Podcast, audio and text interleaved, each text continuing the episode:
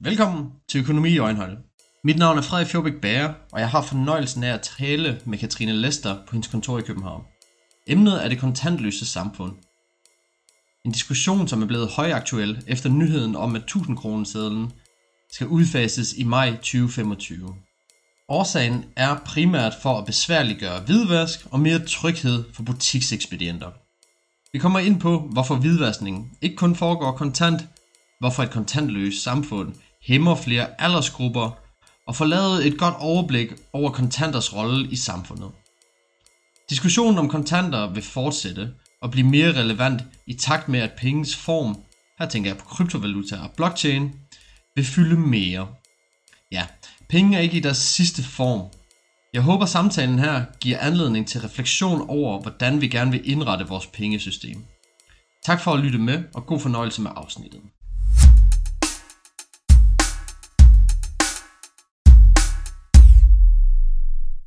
Velkommen, Katrine Lester. Vi skal i dag snakke om øh, udviklingen mod det kontantløse samfund. Det er baseret på en øh, artikel, du skrev til øh, Jyllandsposten, hvor du egentlig argumenterer imod kontantløst samfund.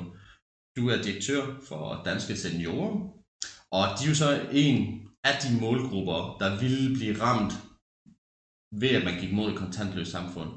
Hvad er det, du synes, der er udfordringen ved, at vi skærer ned på kontanter? Der er øh, flere udfordringer ved et kontantløst samfund.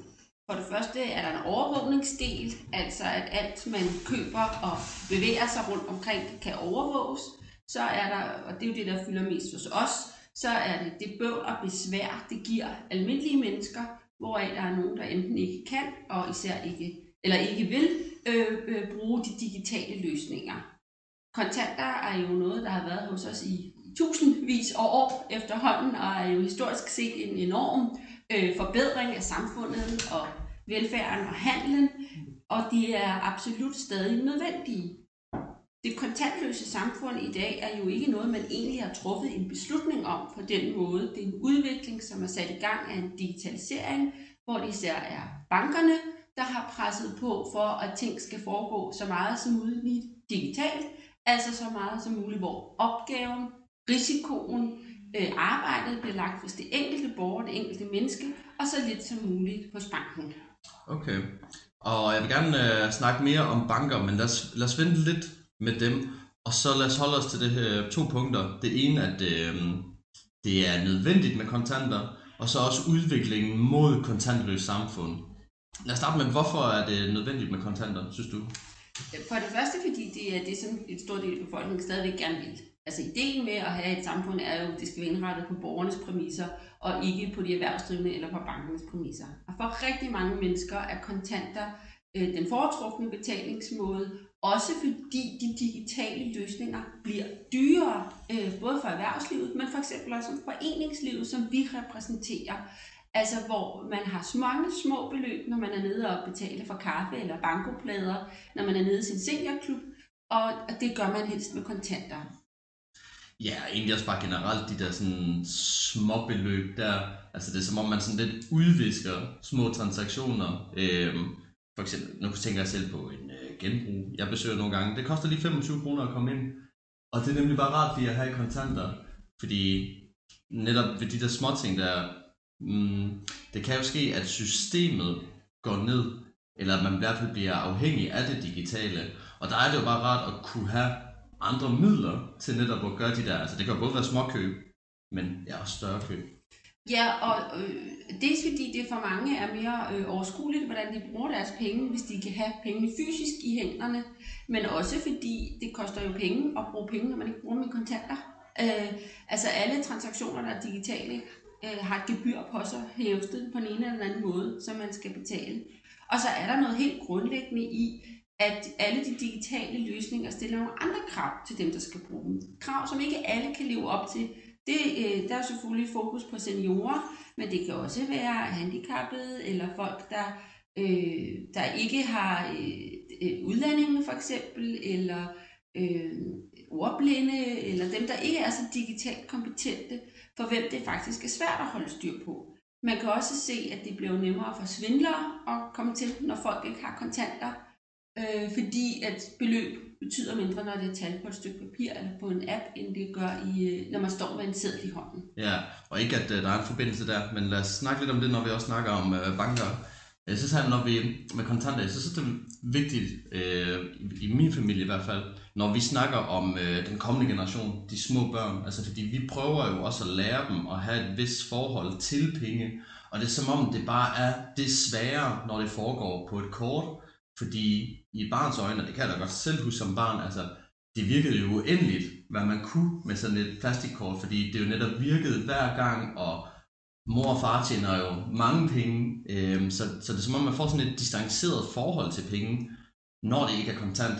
Hvorimod, når det er kontant, så har man ligesom en fornemmelse af, hvor meget har jeg egentlig, hvad er det egentlig, jeg står med her, og hvordan matcher det, hvad jeg skal købe. Og der er jo sikkerhed i kontanter. At du ved, hvad du har, når du står med dem i hånden. Hvorimod øh, alle de former for, for digitale øh, betalingstransaktioner, for det første er de afhængige af en infrastruktur, der skal fungere. Altså strøm, øh, internet, øh, adgang til øh, mobilnet eller lignende.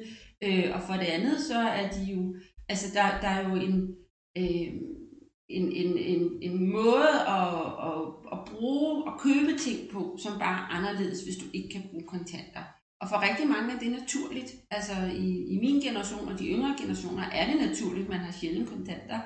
Men jeg synes, jeg savner lidt en eller anden form for samfundsrespekt for dem, der har det anderledes.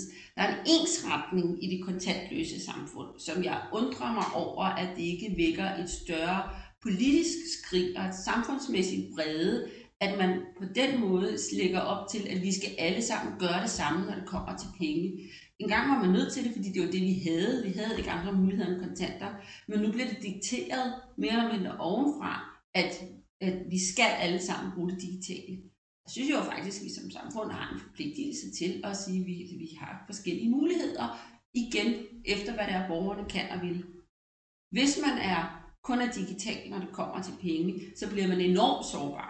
Altså man bliver enormt sårbar, hvis man mister sit øh, dankort, hvis man ikke kan huske pindkoden. Øh, jeg kan give et konkret eksempel. Jeg stod nytårsaftens dag nede i Føtex i Frederiksberg Center for et par år siden med en ældre dame foran mig i kundeservice med en vogn, hvor der lå ved Gud ikke for ret mange penge, men det var helt åbenlyst en nytårsmiddag til en. Og hun stod der, og hun havde brugt sin pindkode forkert tre gange, hun kunne ikke huske den. Ja. Og så var hun fuldstændig hjælpeløs. Altså skulle man have sendt hende hjem og sagt, at det så er det bare ærgerligt, du må gå ned i din bank 2. januar, og indtil da kan du ikke få noget mad. Altså det er jo lidt den situation, vi står i, når, når et kort bare kan blive spærret eller stjålet. Og det samme med vores telefoner. Nu er vi alle sammen kørt på MidiD og MobilePay. Altså hvis man øh, får stjålet sin telefon, så er man hjælpeløs i rigtig mange sammenhænge. I gamle dage kunne man tage sit pas i hånden, eller sit kørekort, eller sin lille fedtede øh, bankbog på papir, og så kunne man ned, gå ned i en bankfilial og så kunne man hæve 200 kroner, som man i hvert fald havde til de næste par dage. Og det, det, det er jo helt væk nu. Fordi det med kontantløs samfund, det handler jo dels om, at man har ret til at betale med kontanter i butikkerne, men det handler jo også om, hvorvidt man kan aflevere kontanter, øh, og hvordan butiks- og erhvervsdrivende kan få fat i kontanter, eller komme af med de kontanter, de tager imod. Og der ser vi, at, at der bliver lukket mere og mere, ikke fordi man lovgiver om det, men fordi man, det man kalder rationaliserer, sådan at, øh, at færre og færre banker og bankfilialer tager imod kontanter, og ellers så tager de meget store gebyrer for at håndtere kontanter. Øh, vi har eksempler på, at en forening, der kommer ned med, med nogle tusind kroner, de har tjent på et bankospil, hvor folk jo har siddet og lagt 10 kroner på en plade, øh, at de bliver opkrævet gebyr på 65 kroner for at aflevere deres kontanter i en lokale bankfilial. Altså, hvor er det, vi er henne? Ideen med hele det at have øh, et betalingssystem, at vi er gået væk fra varetransaktioner, et byttehandelssystem, var jo, at det skulle være gratis. Altså det skulle ikke koste folk penge at bruge penge. Og når man går ind i et kontantløst samfund, så er man nødt til at sige, at det koster penge. Ja, og det er, jeg synes, det er sådan en velkendt uh, Facebook-opslag, i hvert fald for mine venner, at, at man deler uh, den her historie om, at du har en 100 kroner seddel, og den går du ned til bageren med, Ja. og bageren bruger den 100 kroner seddel til sin mekaniker, og mekanikeren bruger den til øh, sin rengøringsassistent. Og sådan, de 100 kroner, de kommer ligesom i omløb og mister ikke værdi. Men hvis man skulle gøre det via digitale betalinger, så er der nemlig et lille gebyr. Så den 100 kroner seddel, når den først kommer frem til rengøringsassistenten, altså så er den måske 95 kroner værd. I hvert fald for at tegne et billede af det. Og det er jo netop, hvad, hvorfor skal pengene miste værdi, bare fordi de cirkulerer? Og det er netop det der, hvad er det for en ydelse, banken gør, som, ja, hvad kan man sige, retfærdiggør, at pengene skal miste værdi? Og altså, ideen er jo, at vi har en nationalbank, og der kan bankerne både sætte penge ind og låne penge, havde jeg sagt. Øh, og, og det er jo ligesom den forskel i den rente, de giver Nationalbanken, den rente, de giver kunderne, finansierer jo også det at have et kontantsystem herunder inflationen, øh, som jo også udhuler en kontantsværdi, det skal man huske på. Men når vi når til de digitale transaktioner, så bliver der lagt et ekstra gebyr oveni. Og på dankortet har man jo lovmæssigt reguleret, at det må ikke koste penge for kunderne, men det koster jo penge for den, der tager imod pengene, altså for, for butikken. Øh, der er et gebyr på for en erhvervsdrivende også et gebyr på mobile pay, selvom der ikke er for den private kunde. Altså, så der, så der er nogle skjulte mereomkostninger ved det kontantløse samfund, som man ikke rigtig synes, jeg er helt ærlig omkring. Og så er det klart, der er jo også nogle omkostninger ved et kontantsamfund. Altså det koster noget at tælle penge, og banken skal håndtere penge, og der sad i gamle dage i dag en dame eller en mand ved kassen, der tog imod penge og pænt talte dem op og satte dem ind på en bankbog. Man håndterer kontanter øh, på alle mulige måder. Det koster penge. Men, men man har jo, dengang man udvikle alle de digitale løsninger, så var alle bankkunder med til at betale for dem, uanset om de var øh, digitale eller ej. Og nu, hvor man har udviklet dem, og alle har betalt for dem, så begynder man at lægge op til, at dem, der ikke vil bruge dem, som har været med til at betale for udviklingen af dem, de skal betale ekstra for at bruge kontanter i forhold til gebyrer, i forhold til, at de kan komme af med kontanterne. Der har man jo lidt som lavet udviklingen løbe indenom, også fordi man ikke har lovgivet omkring, ligesom man gjorde med dankortet, som jo var det første, der kom frem, øh, at man ikke har, øh, hvor der er regler for, hvad kunderne må tage, eller at kunderne ikke kunne få et gebyr, men også for risikoen, altså hvis et dankort bliver misbrugt. Hvis du bliver stjålet, hvis en tyv har afluret din pindekode, altså der er jo en, der er en grænse for din selvrisiko.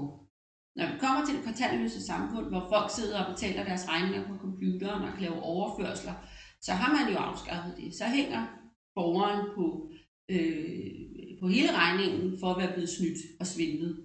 Fordi det kontantløse samfund på en eller anden måde ikke er indrettet på almindelige mennesker, men er indrettet lidt til, at det skal være nemt at bruge mange penge og flytte mange penge hurtigt. Og det gavner ikke almindelige mennesker. Så der er, der er nogle konsekvenser ved, at øh, vi udfaser det. Og så um, er der jo så også nogle fordele hvilket indtil videre lyder som om det er mest for de erhvervsdrivende. Hvad er det igen, man øh, siger er rationalet bag at udfase kontanterne? Det kan jeg kun se må være, at man kan spare penge. Altså at det gør det nemmere for, for banker og butikker ikke at skulle håndtere kontanter, fordi de i forvejen har digitale løsninger.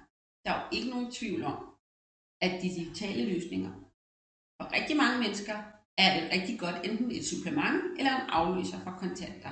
Jeg tror, at de fleste af os er jo vældig glade for, at vi har en webbank derhjemme, hvor vi kan betale vores regninger.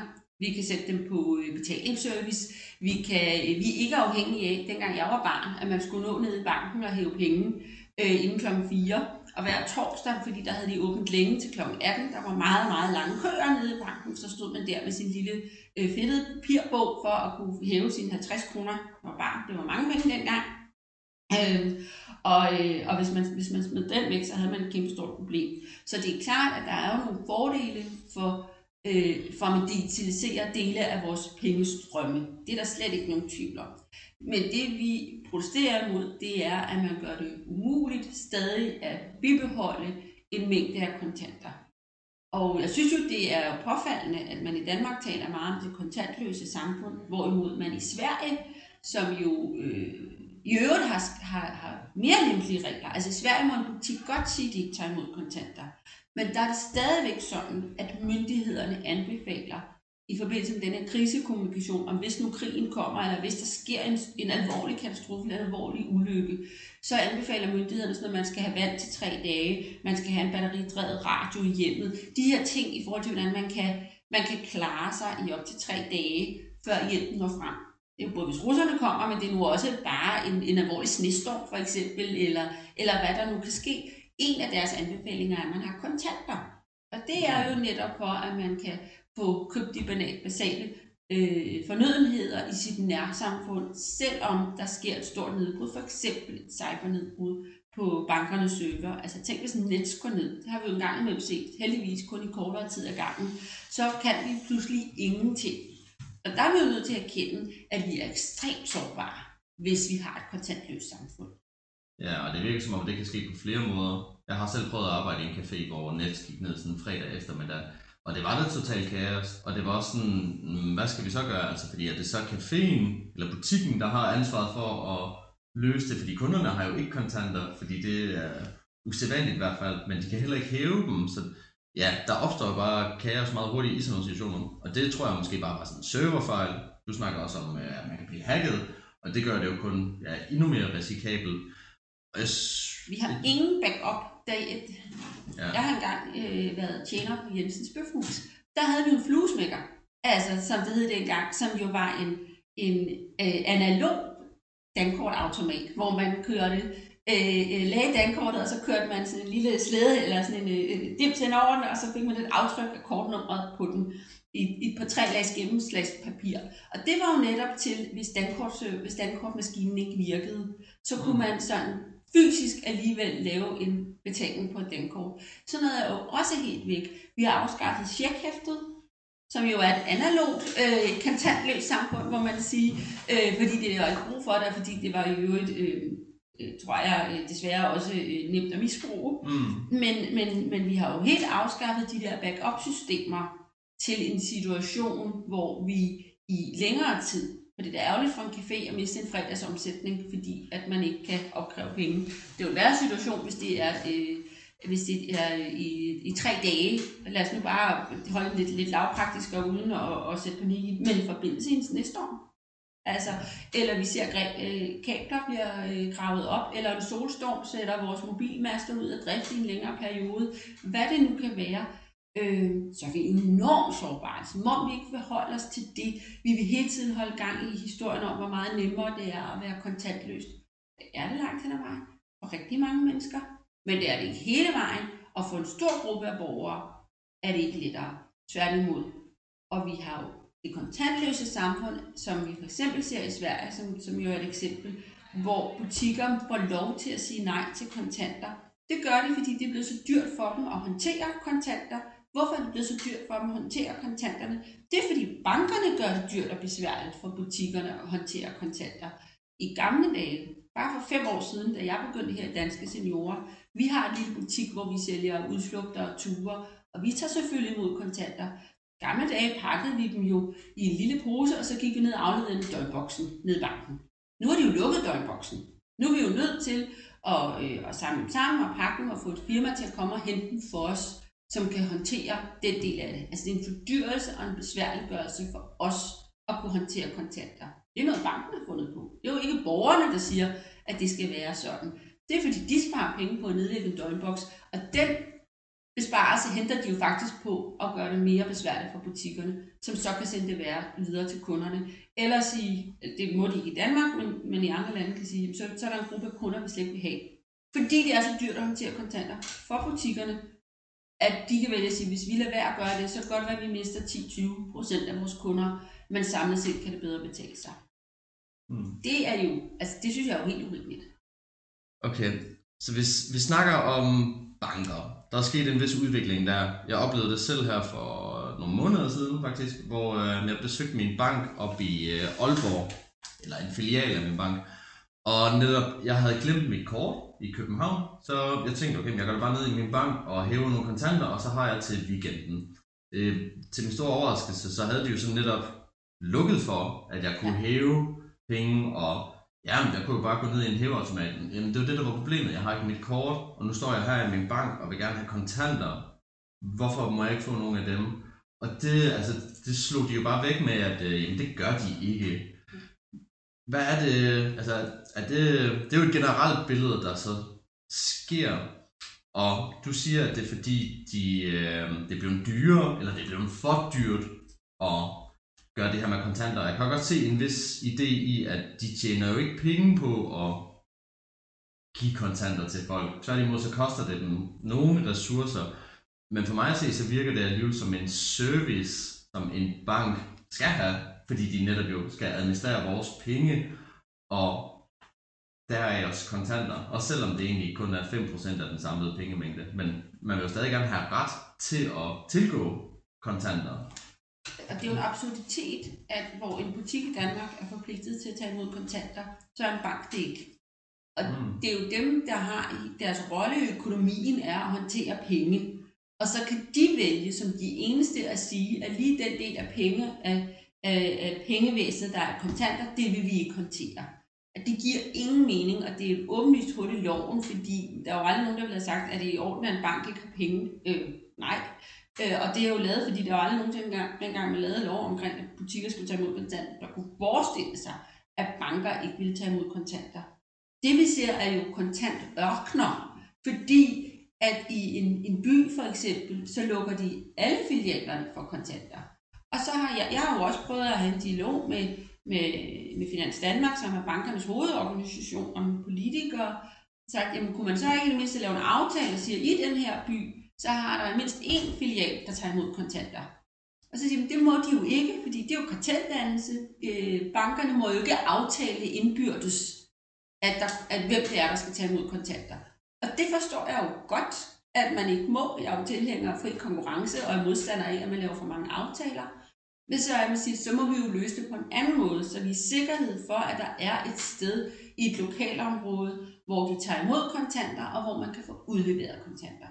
Og en model, vi har foreslået, er jo at kigge på den model, man har på lægemiddelområdet, hvor at der indgås en aftale, jeg tror den forhandles hver fjerde eller femte år, hvor man aftaler, hvilke apoteker, der har åbent. Døgnapoteker, der er åbent om aftenen og om natten og i weekenden. Det er jo for at sikre, at folk kan få adgang til medicin, også selvom det er midt om natten eller på skæve tidspunkter. Så der er jo ligesom lavet en aftale for, hvor i landet øh, det er. Og det koster jo nogle penge, for det er jo dyrt for et apotek at holde åbent om natten, fordi der ikke er så mange kunder. Og der er jo lavet en udligningsordning, sådan at de andre apoteker er med til at betale til det apotek, der så skal holde åbent. Og sådan en løsning kunne man jo også lave på kontantkasser, så man er sikker på, at der i et lokalområde altid er mindst én filial, der tager imod og håndterer kontanter. Og en del af den aftale, synes vi jo så også skal være, at de ikke må tage et gebyr for det. Altså når for eksempel en lokal seniorforening kommer ned, fordi de har opkrævet deres kontingent øh, øh hvad hedder det, analogt øh, i kontanter, at de så har mulighed for at aflevere det, uden at de bliver sat i gebyr. Ja, jeg overvejer lidt, hvad er forskellen uh, som mellem det der med apoteket og banker, hvis vi snakker det her med, at det ikke skal være en, en mafia, eller hvad var ordet var, uh, altså at Hvorfor må de godt gennemføre den aftale? Det er fordi, det er uh, Lægemiddelstyrelsen, der sidder og, og forhandler aftalen i virkeligheden. Lægemiddelstyrelsen sidder og udpeger. Apotekerne uh, kan skrive ind, om de gerne vil være uh, døgnapotek, eller ja eller nej, eller de kan blive det pålagt. Altså, du har en myndighed siden. Det kunne man jo have Finanstilsynet, som mm. tilsvarende er den øverste myndighed, der siger, at i, øh, i den her by vedtager vi, det er Spar Nord nede på hovedgaden, og på den anden by, så er det Danske, by, øh, Danske Bank nede på Algade. Og, altså, du ved, lige så snart der er myndighed ind, så er det jo ikke karteldannelse. Og så er det jo også dem, der skal afgøre, hvad det, hvad man, hvordan man vil udligne, hvis, hvis man synes, der skal være økonomi i det også. For det er klart, jeg forstår godt konceptet om, at vi ikke ønsker karteldannelse, vi ønsker ikke, at de laver aftaler indbyrdes om noget som helst, hverken deres rentesatser eller noget som helst andet, for det skader jo forbrugerne. Men, men her har vi en, en samfundsopgave. Altså betalinger, øh, mønter, øh, møntvæsen er jo kritisk infrastruktur. Altså du skal jo have adgang til det, og det er derfor ligesom adgang til lægemidler, så er det også, mener vi, adgang til kontanter af kritisk infrastruktur. Og derfor er det jo nødt til at være noget, hvis, hvis det ikke kan lade sig gøre uden regulering, så er vi nødt til at regulere det. Ja, og det er netop et nøgleord det her med, at det er kritisk infrastruktur. Blandt andet i forlængelse af det her med, hvad hvis det digitale går ned, eller øh, det der med, Hele man den gruppe af brugere, der ikke kan finde ud af det, øh, ikke har overblik over de digitale løsninger af den ene eller den anden årsag, er man nødt til at have kontanter til dem. Og rigtig mange borgere bruger stadig kontanter, når de handler. Rigtig mange borgere har det som backup. Øh, også udsatte borgere, hvor man ved, hvis man har besvær med sin økonomi, så er det nemmere at styre, hvis man øh, ligesom øh, tager fire konvolutter, og så tager man de penge, man må bruge hele den her måned, og så lægger man ned uge for uge hver konvolut, så er det nemmere at overskue. Ja. Og, og det synes virkelig, vi, vi gør en stor del af samfundet en bjørnetjeneste. Og det siger også noget om, hvad det er for et samfund, vi ønsker, om vi ønsker, at vi stadig skal have kontanter.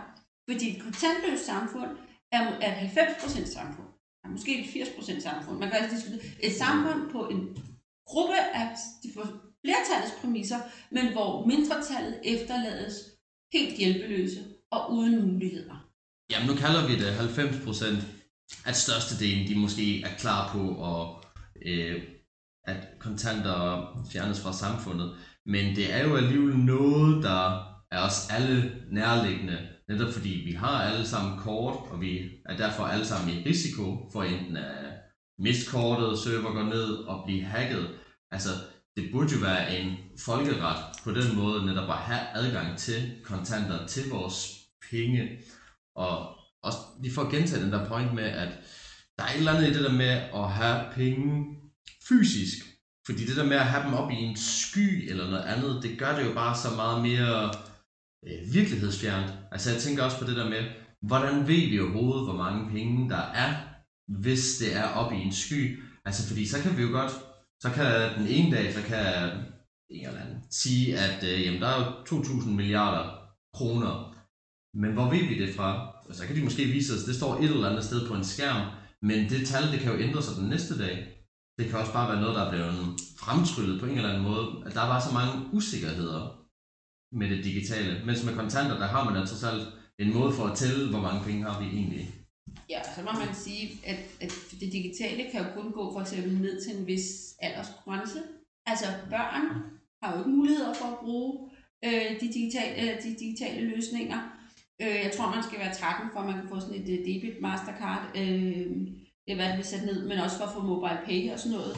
Før det så, så i hver form for transaktion, hvor børn er involveret, for eksempel hvis et barn skal gå med sine venner i svømmehallen, og skulle betale for entréen, så er man jo nødt til at give øh, kontanter med, hvis de skal have penge til at gå ned i øh, skoleboden og købe en, en bolle til frokost.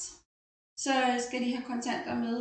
Øh, der er jo masser, masser af steder i samfundet, hvor du har grupper, som af den ene eller anden årsag ikke øh, kan få øh, digitale løsninger eller ikke ønsker dem. Blandt vores medlemmer er der stadig en del, der ikke har en e-mailadresse. De er fritaget for digital post fra det offentlige. De har ikke øh, dankort, øh, måske fordi de ikke sådan rigtig kan huske koden altid. De har ikke en smartphone. Og at sige til de mennesker, det er bare ærgerligt. Nu har vi lavet et samfund, hvor I ikke er velkommen. Altså, vil vi virkelig være det bekendt? Ja. Og så er der hele svindeldelen. Og det er simpelthen også nødt til at sige, et del af argumentet for det kontantløse samfund, det er, at kontanter jo, og det er der jo ingen tvivl om, også bliver brugt til, til sort arbejde, øh, til bedrageri, til narko, til alle de her øh, sorte sider af samfundet. Og det er jo også rigtigt, at der i visse dele af den sorte økonomi øh, foregår mange kontanter. Men øh, man må sige, at den digitale økonomi er også fyldt med svindel. Altså, øh, når Danske Bank øh, i Estland kunne køre hvad det, 19 milliarder igennem i hvidvask, det var ikke kontanter. Det var ikke fordi svindlerne stod der med poser med russiske rubler i, vel? Det var jo digitale transaktioner, hvor det hele går meget stærkt, og det skifter konto, og det flytter den ene vej en anden vej, og penge kan flytte sig med mange konti mange gange på en dag. På samme måde med, med alle de her bedragerier mod ældre, der foregår i øjeblikket desværre, som jo er enormt udspekuleret. I gamle dage kunne man jo også stjæle en gammel dames punkt, det er der slet ikke nogen tvivl om, men nu kan de jo pludselig miste alt, hvad de ejer og har, fordi en svindler er, øh, er dygtig til at lokke det ud af dem. Og lige om et øjeblik, det er nødt til at sige, det her med AI, lige om et øjeblik, så bliver, øh, så bliver mormor ikke bare ringet op af en, der siger, at han er fra banken. Så bliver mormor ringet op af en, der lyder som om det er Karl Peter, hendes søde lille elskede barnbarn, der lige beder hende om, om hun ikke lige kan lave en overførsel, fordi han helt akut står med et eller andet stort problem. Og han vil lyde sådan i telefonen, som om det er Karl Peter. Ikke? Fordi det kan de her øh, snyde ting, øh, og vi efterlader øh, ikke bare ældre. Det her kan snyde os alle sammen enormt sårbare for enorme mængder af penge, vi kan miste på meget kort tid. Ja, og det er flere gode eksempler, og man kan sige, at lige med Danske Bank, altså havde det været 19 milliarder, der skulle have overføres i kontanter, så havde det bare måske været lidt mere åbenlyst, at der foregik et eller andet, som ikke skulle foregå. Øh, og netop sort arbejde, må ikke også der er nogen, der er mobile payer for nogle tjenester, Og egentlig også det der med, øh, nu bringer du det her med, at man også bliver snydt. Øh, jeg har en kollega, der blev snydt, og han er ung, klog øh, fyr. Men netop, øh, der stod bare Nordea på telefonen, så man er allerede der, hvor at, at det er så nemt at snyde, og det, øh, ja, det er jo ikke åbenlyst. Altså nu er det ikke en prins fra Nigeria, der skriver til en, altså det er jo blevet ret øh, ja, udviklet, hvordan man kan snyde folk. Og netop hvis man fjerner kontanterne, det virker som om man bare øger risikoen for, ja, ja egentlig at man svækker hele det økonomiske system, eller i hvert fald pengesystemet. Og det virker bare som minimal, hvad det er, man får ud af det. Altså fordi, hvad jeg hører, så er det jo egentlig bare, at man sparer nogle penge hos bankerne, og så kan de måske snakke om hvidvask, men, men som du har lige nævnt, så er det jo ikke noget, der garanterer, at der ikke bliver hvidvask. Jeg tror ikke, der er ret mange. Der har været de her sager med, med svindel, hvor folk har mistet øh, 400.000 kroner og blevet trukket på deres konto, fordi de, de troede på, at det var banken eller politiet, der ringede, og nu var det vigtigt, at de fik reddet deres penge, fordi deres konto var hacket, og alle de her ting. Jeg tror simpelthen ikke, der er ret mange mennesker, der har vidst, at, et, at en forkert overførsel, så kunne de miste 400.000. Altså, jeg havde aldrig forestillet mig, jeg vidste ikke, at jeg kunne overføre så mange penge, og de var væk i det sekund, det var sket. Øh, der, man har lavet nogle systemer, der er lavet til, at det skal gå hurtigt, det skal være nemt, og det skal, man skal kunne flytte store summer. Nu ved jeg, at der er blevet lavet en aftale, som, øh, som bankerne og Finans Danmark har været med i, erhvervsminister Morten Bødskov, som jo faktisk tager de her ting seriøst, der siger, at der skal sættes en overgrænse på 50.000 for en straks overførsel. Altså, så du aldrig kan flytte mere end 50.000 med det samme. Jeg synes jo, det burde være en rettighed, og det burde være udgangspunktet, at du som borger først skal flytte penge med 24 timers varsel. Og så må du gå ned til din bank og bede om at få lavet det hurtigere, hvis du har brug for det. Langt de fleste overførsler i dag, du har behov for en regning, betaler man jo først dagen efter. Så har man jo mulighed for at stoppe det. Bankerne har jo algoritmer kørende. Jeg har selv prøvet, at øh, vi har, ligesom alle andre øh, fornuftige organisationer, sådan en totrinsgodkendelse af, af overførsler her i Danske Seniorer, at der var blevet lagt en overførsel op, som, øh, som bankens algoritme så var mistænkelig, øh, og hvor efter de ringede til mig og sagde, mener I virkelig det her? Skal vi ikke stoppe den? Og jo, de skulle stoppe den. Og den var også, altså vores sikkerhedssystem virkede, den var aldrig gået videre, men bankernes sikkerhedssystem virkede også. Så jeg må også sige, der er jo systemer, der kan fungere, og alligevel bliver folk snydt, og alligevel kan man flytte konti Altså, man har lavet nogle systemer, hvor du bare kan flytte penge, der kommer ind på din konto, kan du flytte ud af din konto igen lynhurtigt, uden at banken stopper det. Og det forstår jeg heller ikke. Altså, øh, så bliver der købt øh, gaming, alt muligt. De siger, det siver ud, og det er derfor, de banken ikke kan gøre noget ved, når først pengene er væk. Så er pengene væk, og det kan gå ganske stærkt. Det forstår jeg heller ikke, at man ikke kan stoppe.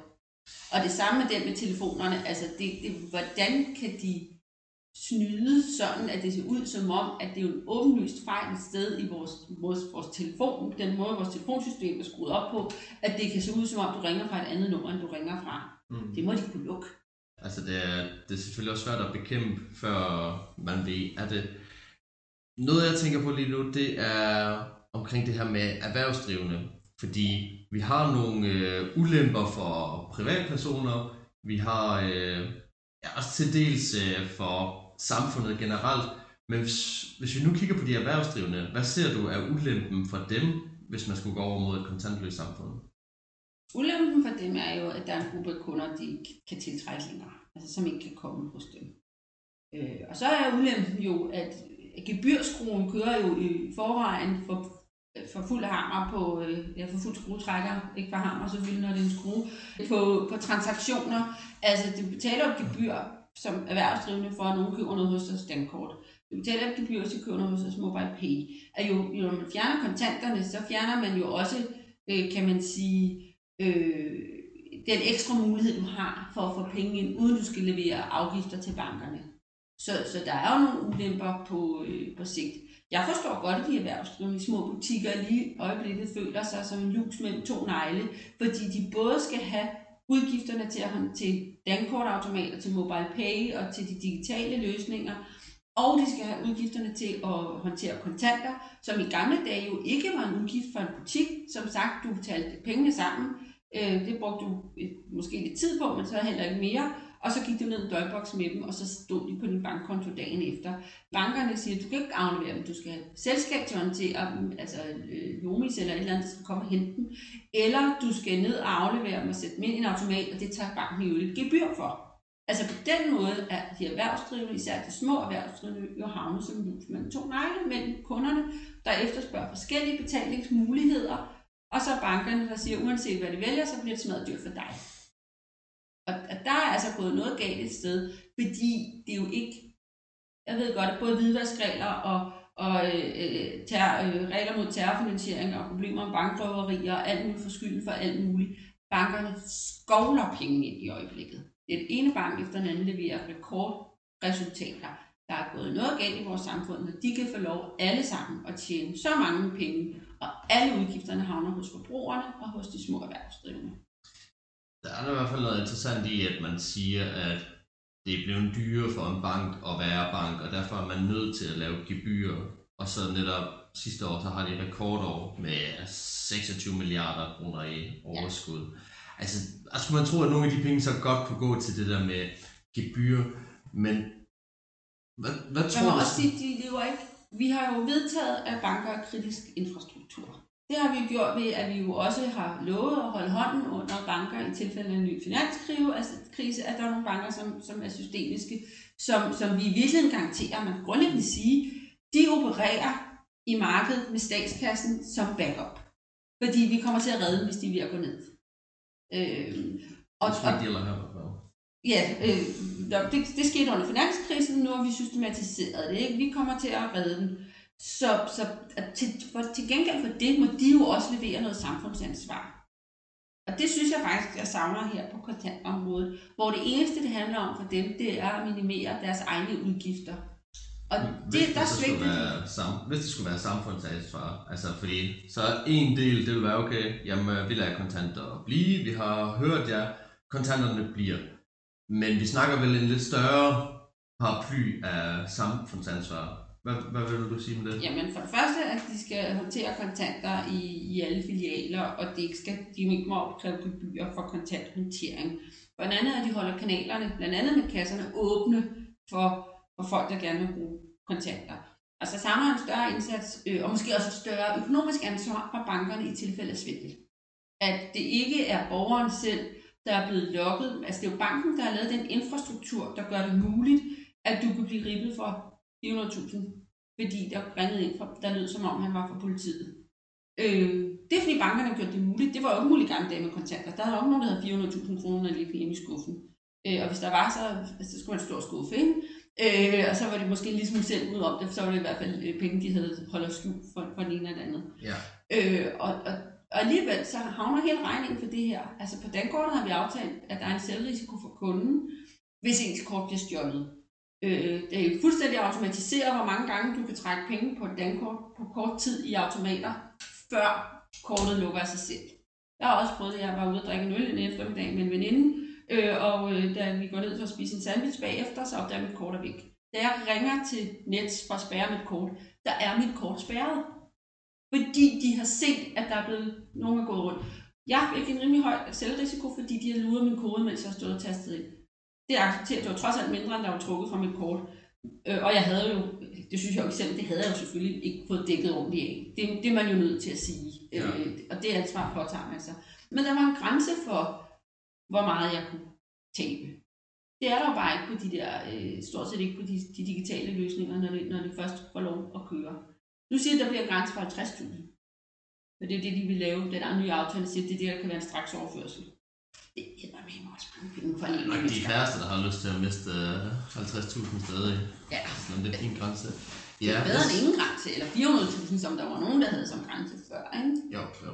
Altså jeg ser også en del af det her med samfundsansvar, som, som bankerne har, altså fordi de er jo en finansinstitution, og de står også for at skulle være formidler af penge, øh, og der taber de jo lidt af ansvaret, hvis de ikke håndterer kontanter. Men der er også noget med det skæld, der er kommet mellem, hvordan banker klassisk fungerede, altså du lægger penge i banken, og så får du en indlånsrente tilbage igen. Altså både den er nærmest ikke eksisterende, og i senere år har man jo også et negativ renter, altså at man har skulle betale for at have penge i banken. hvilket jo virker lidt forrygt. Men så netop også, at gebyrerne og prisen på renten, eller egentlig bare renten, er jo steget så meget i forhold til, hvad indlånsrenten er steget med, at det jo bare blevet meget federe at være bank, men uden at der er kommet en service eller nogle goder tilbage til brugerne, til kunderne, til borgerne. Og ja, det virker egentlig bare til at skulle fortsætte. Ja, og vi har jo altid betalt penge for at have penge i banken, når man så må sige, forstået på den måde, at dengang man måske fik 2% i rente af sit indestående, dengang, det har man jo trods engang gjort, øh, så vil man jo i virkeligheden, hvis man har penge stående i Nationalbanken, hvad man som almindelig borger ikke kan, og ikke skal, jeg er slet ikke fortaler for en statsbank, det er slet ikke det. Men banken lånte jo pengene i, øh, i national, eller sat, kunne sætte pengene i Nationalbanken og få en højere rente, end den, de gav mig. Så jeg har jo altid mistet penge. De har jo altid tjent penge på, at de havde mine penge. Øh, det blev bare enormt sygeligt, da renten var negativ, fordi så enten så skulle jeg betale penge for at have det, og så har de lagt alle de her gebyrer oveni. Og nu hvor, og gebyrerne var argumentet, fordi jamen, vi har alle de her opgaver med, med, med hvidvaskdirektiver, øh, og, og vi skal selvfølgelig, de skal jo tjene nogle penge, så de kan lønne deres personale og have deres IT-systemer til at køre, og de har også huslejer, ikke mange efterhånden, når vi lukker alle filialerne, men trods alt selvfølgelig skal bankerne tjene nogle penge. øh, og, øh, og så kom alle gebyrerne, og det er jo sjovt, nu var renten er steget, og rentespændet er steget i forhold til, hvad de øh, får i Nationalbanken, så er gebyrerne ikke forsvundet. Altså rentespændet, hvad er min... Rentespændet er forskellen på, hvad det er, de låner penge til Nationalbanken, inden de låner dem videre til mig. Det er jo ligesom det er deres fortjeneste.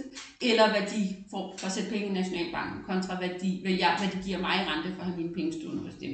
Okay, så egentlig er forskellen på, hvad de kan tjene, og Ja. hvad de... Og det er jo det, der i gamle dage var deres indtægt, hvor der ikke var gebyrer på alt muligt, og det ikke kostede penge at have en konto. Der var det jo sådan, de tjente pengene. Og det var usynligt for kunden i virkeligheden. At de fik en mindre i rente, end de skulle have haft, hvis der ikke havde været et, et, et, nogle penge til banken i det. Øh, og det er selvfølgelig igen, banker skal tjene penge. De har udgifter, de skal dække. De har investorer, der har lagt penge, ellers var der ikke penge at låne ud, hvis der ikke var nogen, der lagde penge, de kunne låne ud af. Øh, men igen, altså hele bankvæsenet er også kørt op på, at det er de samme penge, der går i ring. Altså de penge, jeg sætter ind, bliver lånt ud til nogle andre, der så sætter nogle ind, som så bliver brugt til noget andet. Der, altså, det er jo sådan, vores økonomi, en god kapitalistisk økonomi, fungerer i forhold til en gammeldags møntbaseret økonomi, hvor der kun var den fysiske, de fysiske penge, man stod med i hånden. Ikke? Ja. Det er jo også noget af det, der gør os rige. Det skal vi jo ikke som samfund, det skal vi ikke kæmpe af. Ja, og der er noget, der bliver ved med at sidde i baghovedet på mig, det her med, at mønt øh, samfundet, eller for hvert fald vores kontantsamfund, det har jo ligesom virket. Det har været succesfuldt, okay, der har været mulighed for hvidvask og sikkert også noget andet snyderi, men det har trods alt virket. Og nu bevæger man sig over mod det mere digitale, som jo også virker, men så også har flere ulemper. Altså det, jeg, jeg synes bare, der er sådan en øh, ubalance i forhold til, hvilke fordele man skulle få ud af at digitalisere det hele. Altså fordi det bliver jo nemmere for nogle få grupper, men risikoen, der så forøges derved, ja, det virker bare uproportionelt egentlig. Og også, jeg har bare svært ved at se, hvorfor man skulle have så stort et behov for, at det skal blive kontantløs. Fordi en ting er, at man kan jo selv bestemme, hvorvidt man selv vil være kontantløs. Der er ingen, der tvinger en til at bruge kontanter. Medmindre de selvfølgelig kun tager kontanter i butikken. Men så er det jo ikke værre, end at man kunne hæve nogle... Eller ja, hvis de ikke tager kontanter, men så har man jo altid sit kort eller sine kontanter. Altså der er jo muligheder for begge.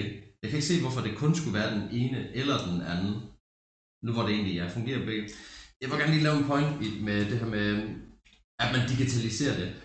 Fordi øh, min opfattelse er, at banker de har egentlig ikke været fortaler for kryptovaluta, men med den argumentation med, at man bedre kunne spore hvidvask og egentlig gøre det mere sikkert, hvis, øh, hvis man brugte det digitale. Altså, så forstår jeg ikke, hvorfor de ikke taler mere for kryptovaluta, når det jo netop er noget, der vil øge sikkerheden og se, hvor pengene kommer fra jeg brød fra, at kryptovaluta har jo ikke nogen øh, værdi bag sig.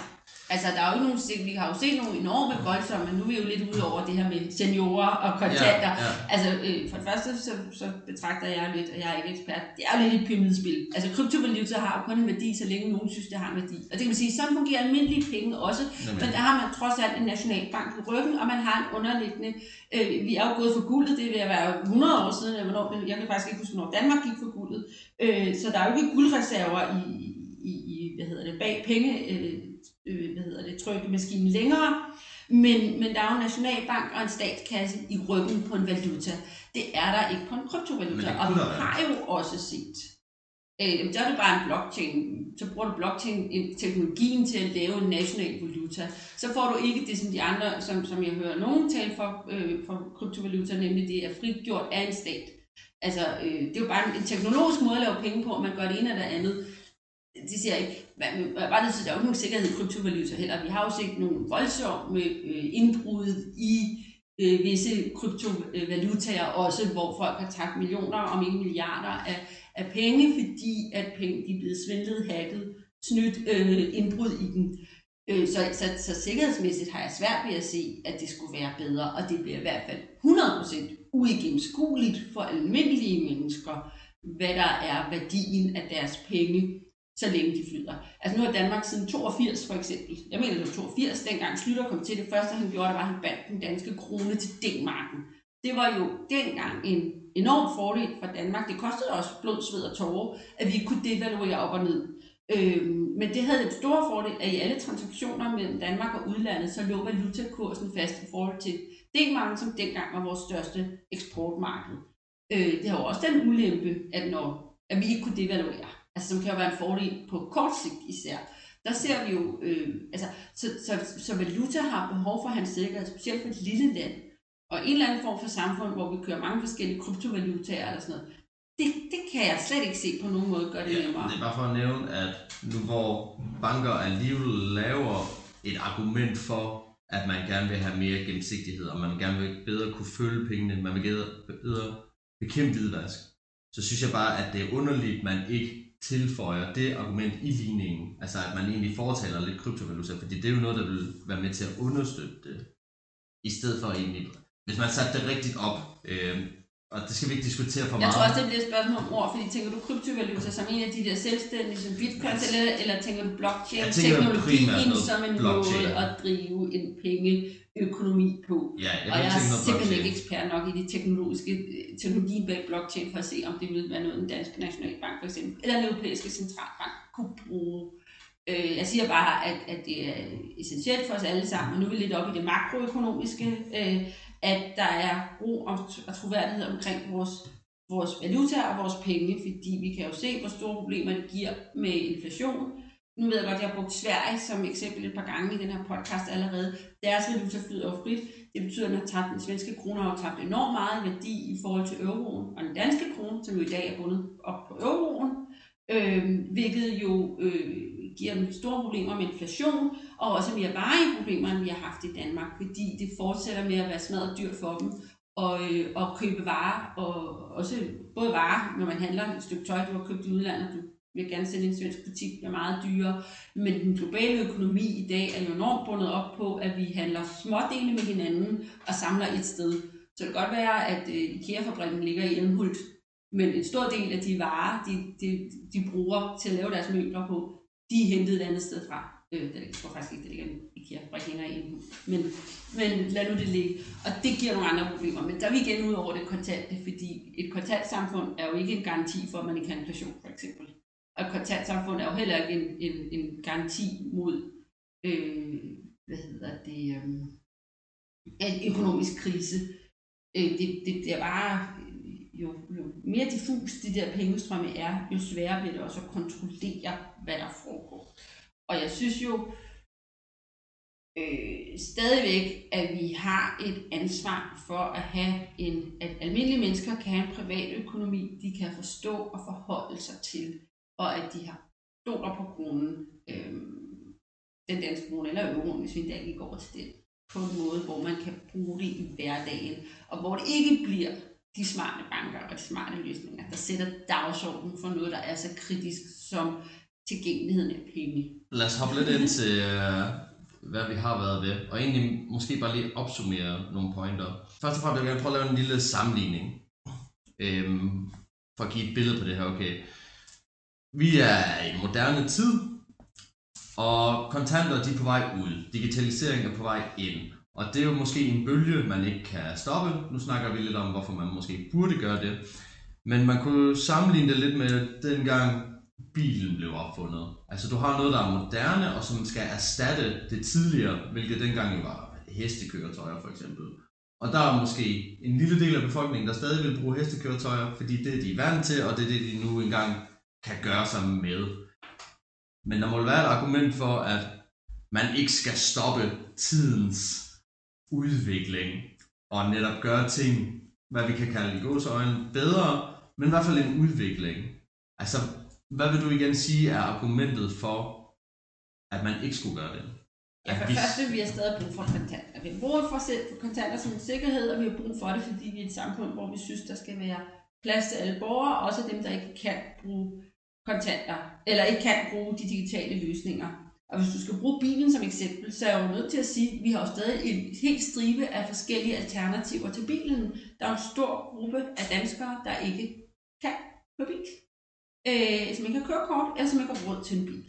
Øh, og det er jo alt lige fra børn til, til ældre, til, øh, til folk, der bor i byen, hvor der ikke er plads til bil. Der er alt muligt. Der har vi jo cykler og busser og tog og gåben, og det er rigtigt, at hesten som transportform er måske lidt faldet ud, men vi har ikke et samfund, hvor den eneste måde at komme frem på er bilen. Og det synes jeg måske, at vi har brug for den der diversitet i samfundet på alle forskellige parametre. Og i øvrigt så var hesten jo øh, langt op, altså under 2. verdenskrig, hvor hesten jo i, inden op til 2. verdenskrig, var hesten jo i hastig fart på vej ud. Men det viste sig jo, da så kom krigen ramte, at så havde vi pludselig brug for, for krikkerne igen, mm. fordi at benzin ikke var til at få fat på. Det synes jeg egentlig er et meget godt eksempel på, at vi kan ikke bare sige, at, øh, at vi kan klare os kun med en bil, eller kun med digitale penge. Vi er nødt til at have nogle backup-planer, øh, eller nogle muligheder for at kunne gøre noget andet. Og en stor del af det her er selvfølgelig drevet af, at jeg igen helt grundlæggende med udgangspunkt i de mennesker, der bor i det her land, som er borgere, som er ligeværdige samfundsborgere, har ret til at kunne begå sig med kontanter. Jeg, det, noget af argumenterne mod kontanter har jo også været sikkerhed i forhold til tyveri osv. Og, og nu er bankrøveri jo afskaffet.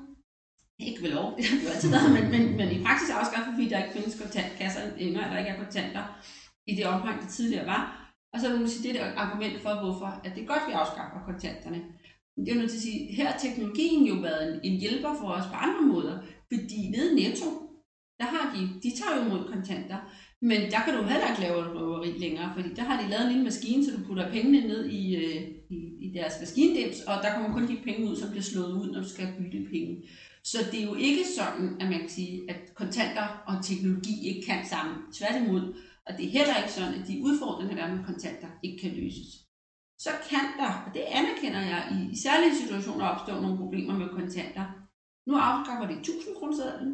Jeg har aldrig sagt, at vi har, danske seniorer har ikke været ude at sige, det er vi modstandere af, for jeg kan faktisk godt se logikken i, at, øh, at der ikke er brug for, almindelige mennesker har ikke brug for 1000 kronersedlen i et større omfang.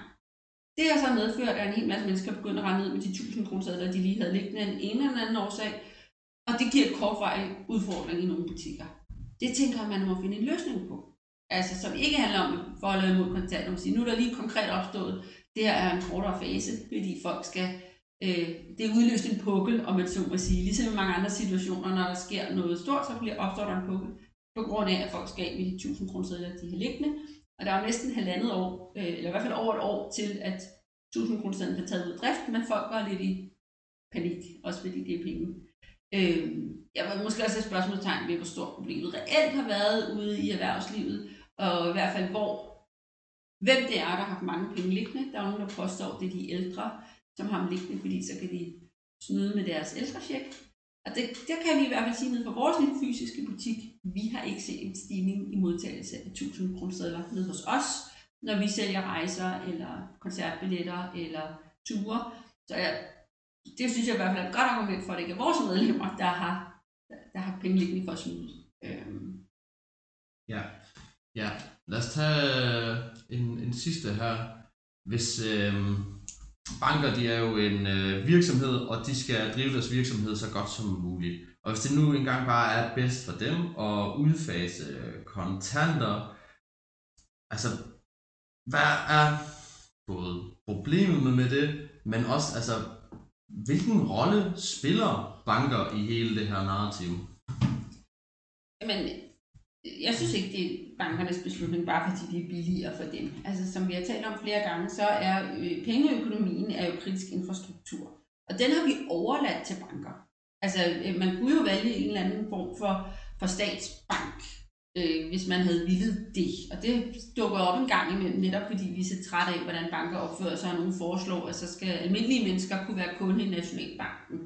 Øh, det tænker jeg ikke nødvendigvis gør øh, nogen gladere på lang sigt, eller er en sund udvikling for dansk økonomi, eller for borgerne for den sags skyld, og slet ikke for Nationalbanken. Men, men det betyder også, at der ligger et ansvar i, at de faktisk har fået en rolle, at de som de eneste kan handle med Nationalbanken. Og det ligger nogle, nogle forpligtelser. Og vi, jeg tror, hvis du spørger bankerne selv, vil sige, at der er forvejen væltet forpligtelser ned over dem fra Finanstilsynet. Altså, du kan jo ikke bare få, få en licens til at drive bank stukket i hånden, bare fordi du møder op og øh, ser glad ud. Øh, der er mange, mange store krav til, til alt muligt, øh, hvad du skal have kapital og sætte op og regler og regulering og så videre. Det er faktisk meget, meget svært at, at drive en bank, øh, og det anerkender jeg fuldt ud. Og en del af det, de regler, der ligger der, det er det at skulle kunne håndtere kontakter. Det mener jeg øh, virkelig er vigtigt at holde fast i. Ja, det virker i hvert fald som om, at man fjerner noget af bankens DNA ved at tage det ud af deres funktion. Og netop, hvem skulle ellers varetage den funktion? Ja. ja, og vi har jo andre situationer, hvor noget, som i princippet er private aktører, øh, stadigvæk har nogle forpligtelser til at leve op til noget samfundsansvar. Altså forsyningsvirksomheder, kan være privat ejet, men har stadig nogle forpligtelser til, til at levere noget forsyningssikkerhed. Øh, nu har man jo lige lavet en ny postlov, men før det var PostNord jo også i princippet en privat virksomhed, godt nok med statslige ejere, men de har stadig en forsyningsforpligtelse til at komme ud i hele landet. Altså vi har flere af de her rundt omkring, hvor øh, apoteker er private ejet og drevne, der er jo også nogle forpligtelser for dem til både åbningstider og hvor de skal ligge hen i landet, for at sikre, at man har adgang til, til noget som, som lægemidler, alle borgere, uanset hvor man er. Så det har vi på andre sektorer også. Det bliver spændende at se uh, udviklingen. Det er tydeligt, at der er mange lag i det her, og det egentlig ikke er helt simpelt, men er faktisk ret kompliceret. Katrine Lester, tak fordi du ville deltage for at gøre os på det. Tak fordi jeg måtte. Yes, det var en samtale om det kontantløse samfund, som må siges at indeholde mange lag. Jeg hæfter mig specielt ved den omstændighed, at det er banker, som presser agendaen mod et kontantløst samfund, med den begrundelse, at kontanter er blevet dyre at forvalte, og det i sidste ende er en regning, kunderne og virksomhederne skal betale. Det er svært ved at tro, når banker laver rekordoverskud. Jeg fik øjnene op for, hvordan specielt ældre og børn har behov for kontanter, og de ikke bør efterlades på perronen, bare fordi verden udvikler sig til at blive mere digital. Og egentlig ikke, at det har noget med aldersgrupper at gøre, men bare hvis man foretrækker kontanter, hvis man foretrækker det fysiske i stedet for den elektroniske sky. Og så har samtalen kun forstærket min overbevisning om, at et kontantløst samfund vil være et risikofyldt samfund. Hacker og netværksnedbrud kan jeg kun tro bliver mere almindeligt i fremtiden, og kontanter giver trods alt en vis sikkerhed for at man har penge, når det elektroniske ikke virker. Vi skal selvfølgelig blive mere kloge på penge, deres funktion, deres form og deres fremtid. Det bliver spændende, og jeg håber du vil lytte med, og endnu mere, at du vil diskutere penge med dine bekendte. Tak for nu.